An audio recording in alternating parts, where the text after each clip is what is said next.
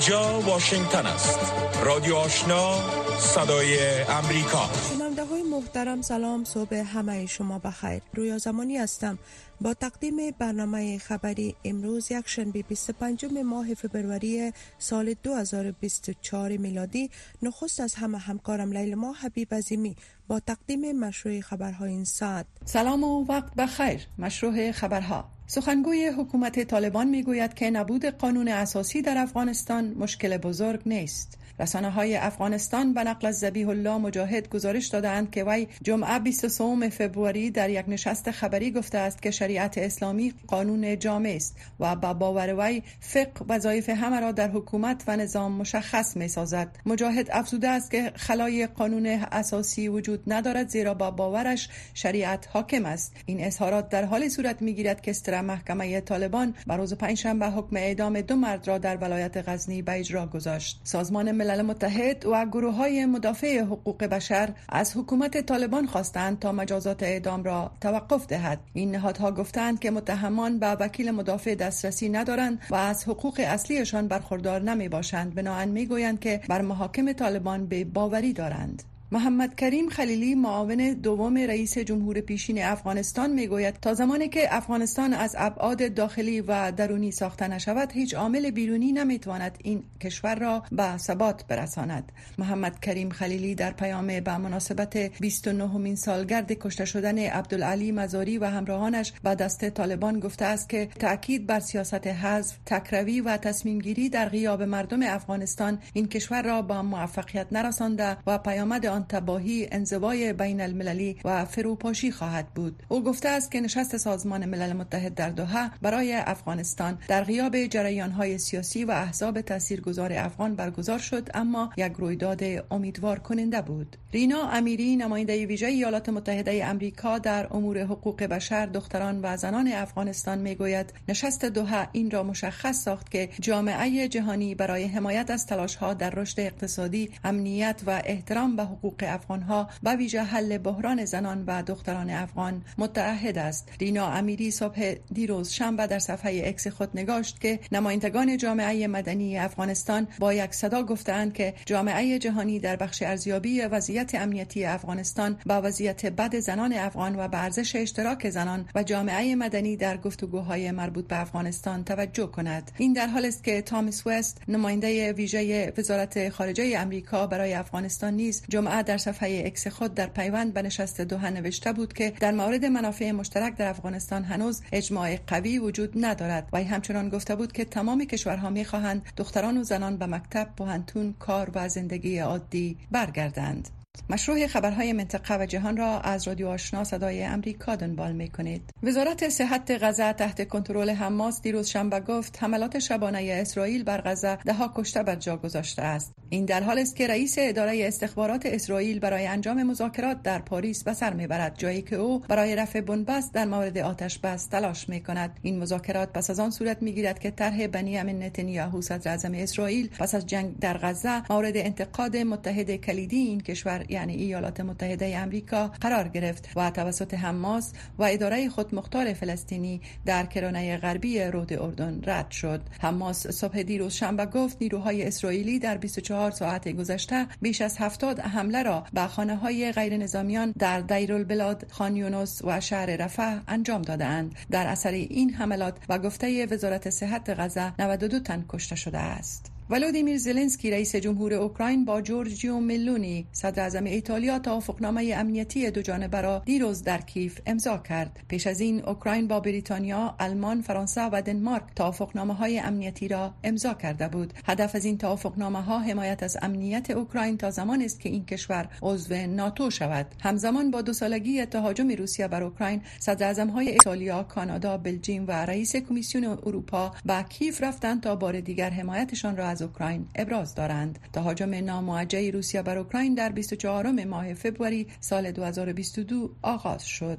گروه مسلح های یمن اخیرا به اتحادیه اروپا اطمینان داده است که کشتیرانی در بحیره احمر امن است و هیچ تهدید برای کشتی ها به جز کشتی که به اسرائیل ایالات متحده است های یمن افزای احمر در نظامی اسرائیل در باریکه غزه است. اتحادیه اروپا روز دوشنبه رسما یک مأموریت بحری را برای حفاظت از منافع تجاری و امنیتی در بیره سرخ دو ماه پس از ایجاد اتحاد آبی ایالات متحده برای حفاظت از کشتیرانی در منطقه استراتژیک که دوازده درصد تجارت جهانی از آن جا عبور می کند آغاز کرد. با این حال گروه حوسی گفته است که مذاکرات سازنده با اتحادیه اروپا در مورد امنیت بحیره احمر داشته است. رهبران غربی دیروز شنبه به مناسبت دومین سالگرد حمله تمام عیار روسیه بر اوکراین در کیف دور هم آمدند. اورسلا فوندرلاین رئیس کمیسیون اروپا همراه با جورجیا ملونی صدر اعظم ایتالیا، الکساندر دکرو صدر اعظم بلژیک و جستین ترودو صدر اعظم کانادا توسط ترن به کیف سفر کردند. این مقام ها لحظات بعد از یک حمله تیاره بدون پیلوت بر یک ساختمان مسکونی در شهر اودیسا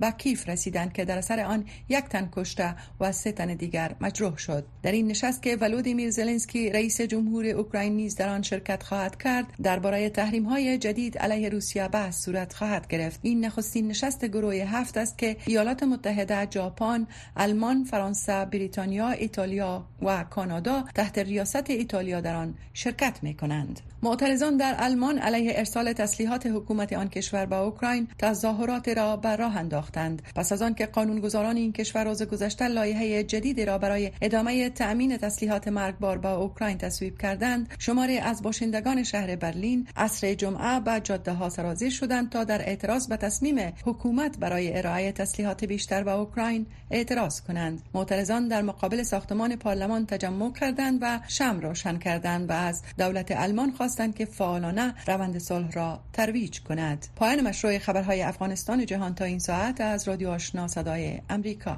شما مشروع خبرها را شنیدید و حالا می پردازیم به گزارش های این بخش برنامه.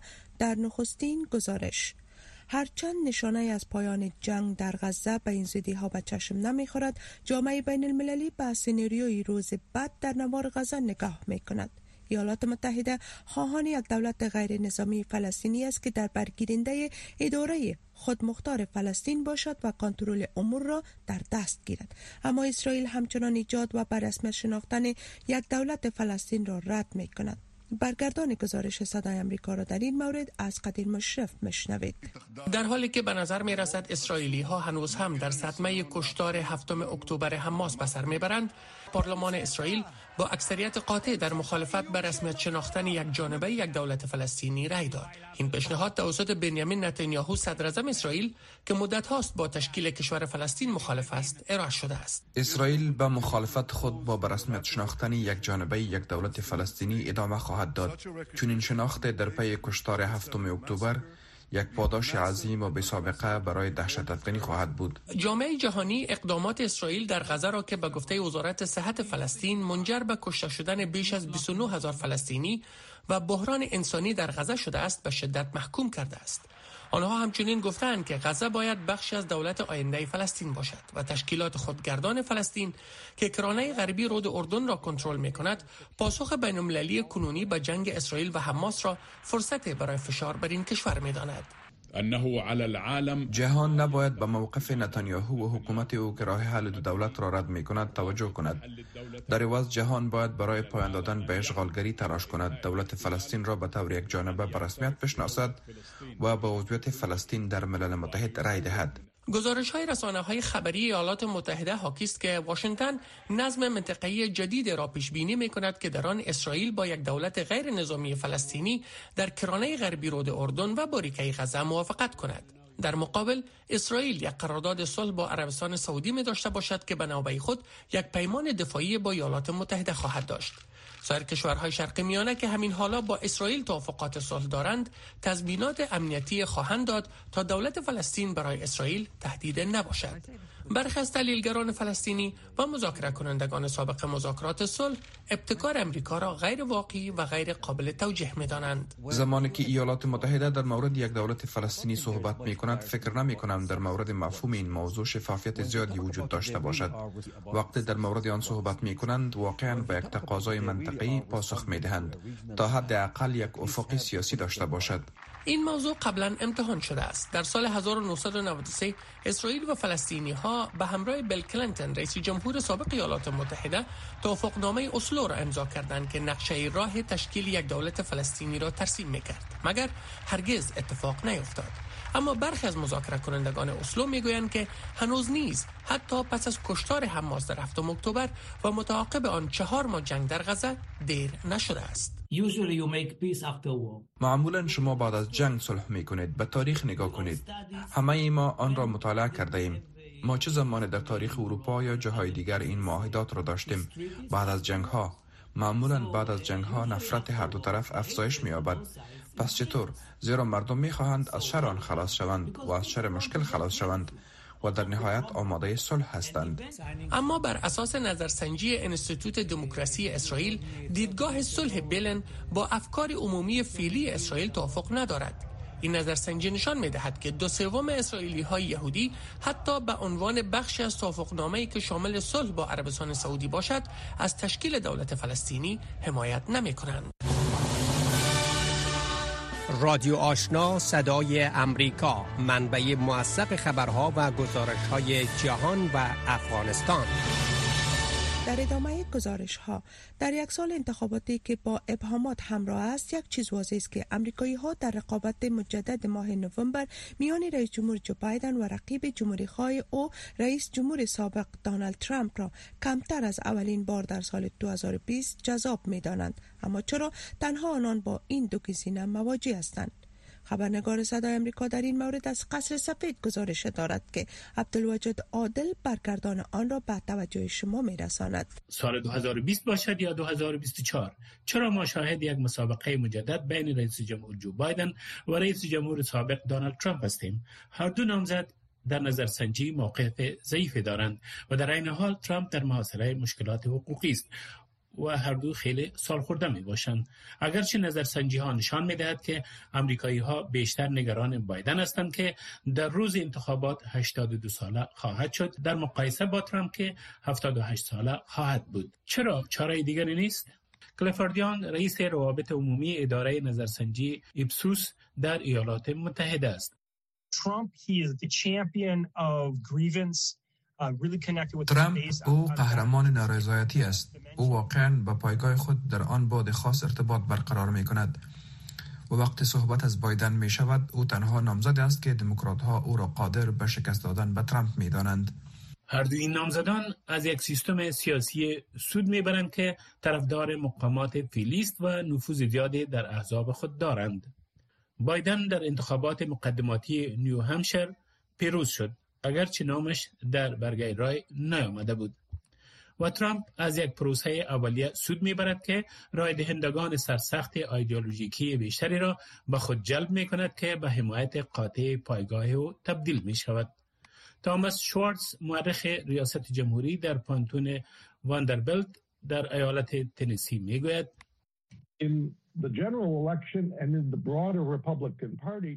در انتخابات عمومی و در حزب جمهوری خواه به طور وسیع ترامپ به اندازه این رای دهندگان اولیه مورد استقبال قرار نمی گیرد اما سیستم تقریبا به طور قطع به نامزدی مجدد او منجر خواهد شد.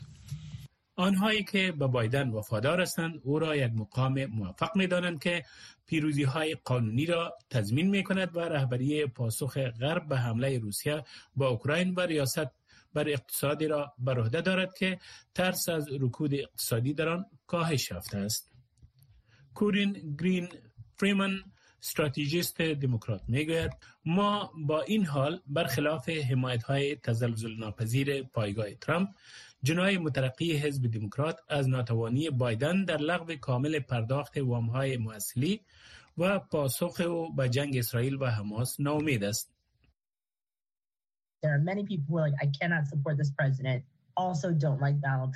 افراد زیادی هستند که نمی توانند از این رئیس جمهور حمایت کنند. آنها از دانالد ترامپ نیز خوششان نمی آید و اینکه صرف احساس می کنند حزب دموکرات دائما ما را شکست می دهد. ترامپ و بایدن همچنین از یک سیستم مقدماتی سود می‌برند که در آن انتخاب نامزدها اساسا به دلیل تغییرات قوانین توسط ایالتها از قبل قفل زده شده است. این بدان ماناست که اگرچه هنوز هشت ماه تا انتخابات باقی مانده است اما راه اندازی کمپاین علیه بایدن یا ترامپ برای یک نامزد بسیار دشوار خواهد بود. بنابراین تا زمانی که یکی از آنها منصرف نشود و حزب در طول این کنونسیون برای معرفی یک جایگزین تلاش کند امریکایی ها تنها با این دو انتخاب باقی میمانند. رادیو آشنا صدای امریکا. پنج تا هفت صبح و هفت شام تا ده شب. تازه ترین خبرها و گزارش ها جهان روز شنبه در حال از دو سالگی تهاجم روسیه بر اوکراین یاد بود به عمل آورد که جو بایدن رئیس جمهوری ایالات متحده یک روز قبل بر 500 فرد و نهاد روسی تحریم های جدید وضع کرد. و گفته جو بایدن این تحریم ها آنان را پاسخگو قرار خواهد داد که در زندانی کردن و در گذشت الکس نوالنی مخالف عمده کرملین دست داشتند و نیز ماشین جنگی روسیه را متاثر خواهد کرد. جزئیات بیشتر را در این مورد از سید عزیز رحمان مشنوید اینجا در کیف پایتخت اوکراین اوکراینی ها با آن هزاران هموطن خود ادای احترام می کنند که در جریان تهاجم دو ساله روسیه بر اوکراین جانهای خود را از دست داده اند. با این باورم که پیروزی از ماست همه جهان از ما حمایت می کند اگر اوکراین با شکست دچار شود به این معنی خواهد بود که همه جهان در مقابل یک کشور یعنی روسیه شکست خواهد خورد زیرا همه در این جنگ دخیلند و ما نمی توانیم ببازیم اوکراینی ها در حال به قربانیان جنگ دو ساله ادای احترام می کنند که جو بایدن رئیس جمهور ایالات متحده با اعلام تحریم های جدید بر 500 فرد و نهاد روسیه که در تهاجم بر اوکراین و زندانی شدن الکسی نوالنی مخالف عمده کرملین دست داشتند از دومین سالگرد تهاجم روسیه بر اوکراین یاد بود به عمل آورد. با گفته جو بایدن رئیس جمهور روسیه شجاعت مردم اوکراین را غلط محاسبه کرده بود. پوتین به این باور بود که می تواند با سادگی عزم و اراده مردم اوکراین را بشکند و بر اوکراین و مردمان غلبه کند. با گذشت دو سال او هنوز هم غلط است. کیف پابرجاست. اوکراین آزاد است و مردم اوکراین در برابر تهاجم شدید پوتین سر فرود نیاورده و شکست ناپذیر هستند. الکسی نوالنی هفته گذشته در یکی از زندانهای روسیه درگذشت و جو بایدن روز پنجشنبه با همسر و دختر الکسی نوالنی در ایالت کالیفرنیا ملاقات کرد. به گفته جو بایدن با آنان اطمینان داد که ولادیمیر پوتین بهای تهاجم در خارج و سرکوب مخالفانش در داخل روسیه را خواهد پرداخت. انتونی بلینکن وزیر خارجه ایالات متحده نیز در پاسخ به یک پرسش صدای امریکا گفت که به باور او تحریم ها بر روسیه بر توانایی های اقتصادی، نظامی و سکتور انرژی روسیه تأثیر دراز مدت خواهد داشت.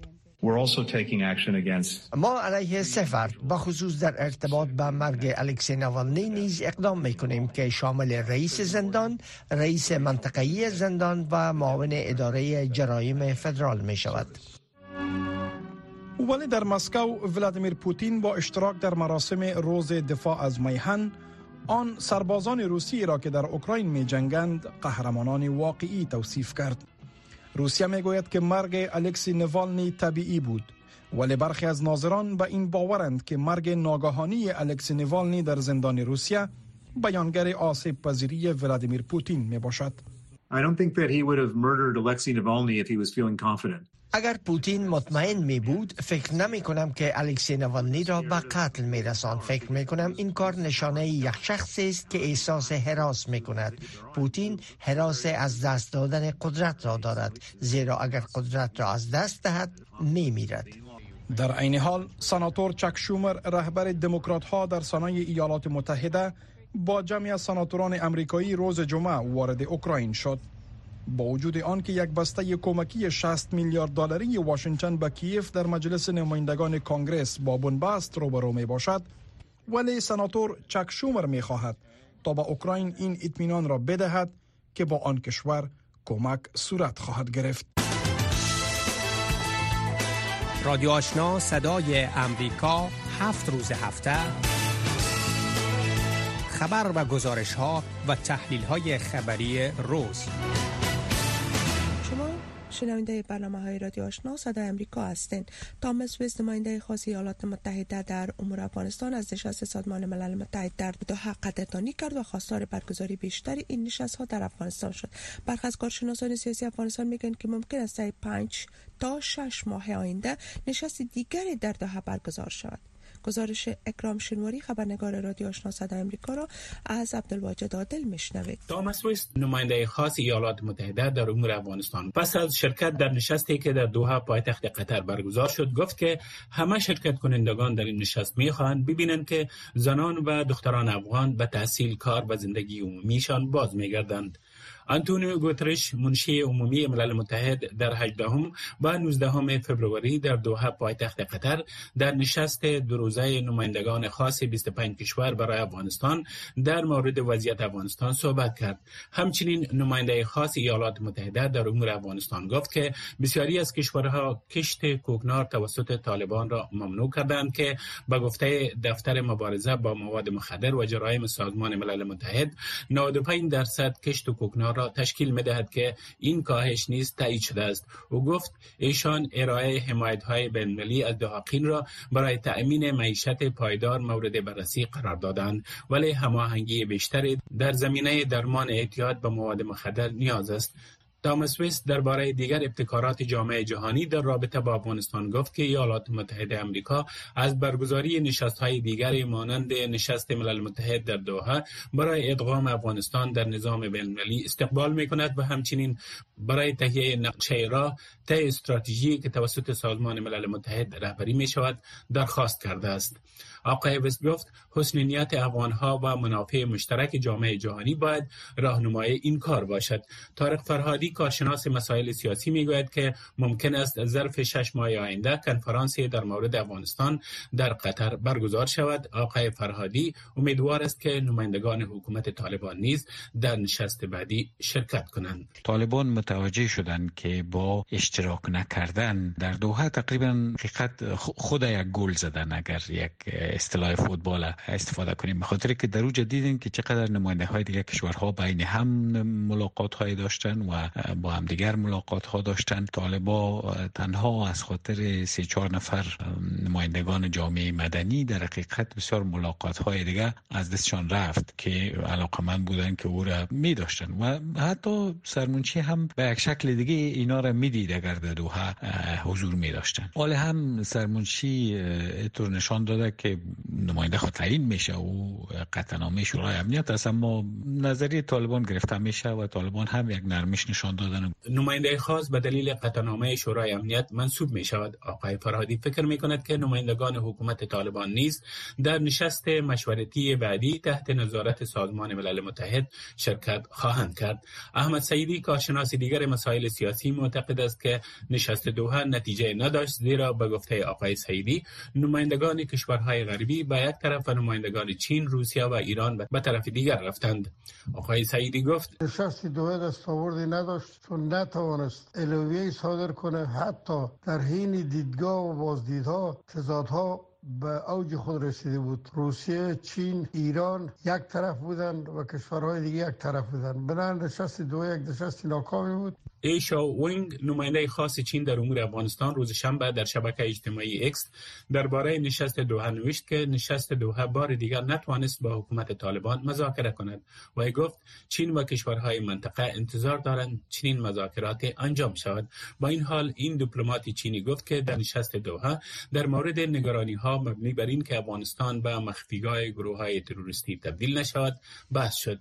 انتونی گوترش منشی عمومی ملل متحد در آخرین روز نشست درباره افغانستان در قطر گفت که رایزنی ها برای تعیین یک نماینده خاص برای سازماندهی امور بین دولت طالبان و جامعه جهانی را آغاز می کند. او گفت در 19 فبروری از طالبان دعوت کرده بود تا در این نشست شرکت کنند. اما آنها این دعوت را نپذیرفتند. آقای گوترش ابراز امیدواری کرد که نمایندگان طالبان در آینده در چنین نشست های شرکت کنند. طالبان برای شرکت در این نشست یک سلسله شروط گذاشته بودند که با گفته گوترش برای ملل متحد قابل قبول نبود. منشی عمومی ملل متحد این نشست در دوحه را بسیار سازنده خواند و در مورد هدف این نشست گفت ما خواهان یک افغانستان صلحآمیز هستیم افغانستانی که با خود و همسایگانش در صلح باشد و بتواند تعهدات بین را به عنوان یک کشور مستقل عملی کند. رادیو آشنا صدای امریکا پنج تا هفت صبح و هفت شام تا ده شب. تازه ترین خبرها و گزارش ها گزارش این بخش برنامه. بشیر مبشر استاد پژوهشگر رشته حقوق در دانشگاه آمریکایی در واشنگتن می‌گوید که قانون اساسی افغانستان زمان جمهوریت با آنکه نقاط قوی زیادی داشت ولی دارای نواقصی نیز بود که در نتیجه آن متاسفانه نتوانست انسجام اقوام مختلف را در ساختار سیاسی تضمین کند.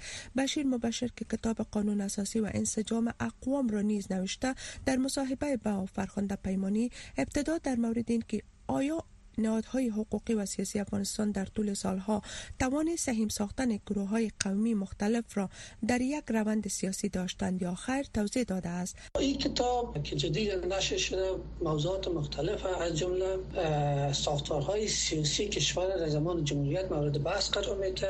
از جمله نظام جمهوریت توازن قوا میان ریاست جمهوری و قوی مجریه و قوی مقننه و قوی قضایی افغانستان. نظام های انتخاباتی افغانستان نظام سیاسی افغانستان و تمرکز قدرت در افغانستان. سر اینا بحث می‌کنه و سوال اساسی که همونطوری که شما گفتین سوال اساسی کتاب می است که تا چی حد تانسته بودن همین نهادهای سیاسی افغانستان؟ اقوام مختلف افغانستان را در پروسه سیاسی افغانستان صحیح بسازن و همونطوری که می‌فهمید در اواخر حکومت جمهوریت متاسفانه تبعیض زیاد شده بود تبعیض سیستماتیک زیاد شده بود. ما شما قضایای مختلف داریم از جمله قضیه مخکخ و قضای مختلف دیگه. تنش‌های بین اقوام مختلف افغانستان متاسفانه زیاد شده بود و بین حکومت و جامعه یک نوع جدایی ایجاد شده بود. از طرف دیگر رئیس جمهور سیاست های یک جانبه می گرفت انتخابات افغانستان به بحران رفته بود و نقش سیاست های قومی در بحران انتخاباتی افغانستان نقش عمده و اساسی داشت و به این لحاظ ما علاقمند شدم که روی موضوع تحقیق بیشتر بکنم و یک کتاب را نشته بکنم و چند مقالی را. خب آقای مباشر میشه بگوین که به نظر شما قانون اساسی افغانستان مشخصا در دوره جمهوریت چی نقاط قوت داشته و چی نقاط ضعف را داشته که در کل مردم افغانستان او را تجربه کردن نقاط قوت قانون اساسی افغانستان شامل ایجاد یک چارچوب حکومت داری بود. یک ساختار سیاسی را تنظیم کرد که مطابق از اون مردم میفهمیدن که قانون قانونگذار کی است چه رقم قانونگذاری صورت می‌گیره نهادهای مسئول کی است رئیس جمهور کی است یک نوع مردم آشنایی پیدا کردن با چارچوب ساختار حکومتی.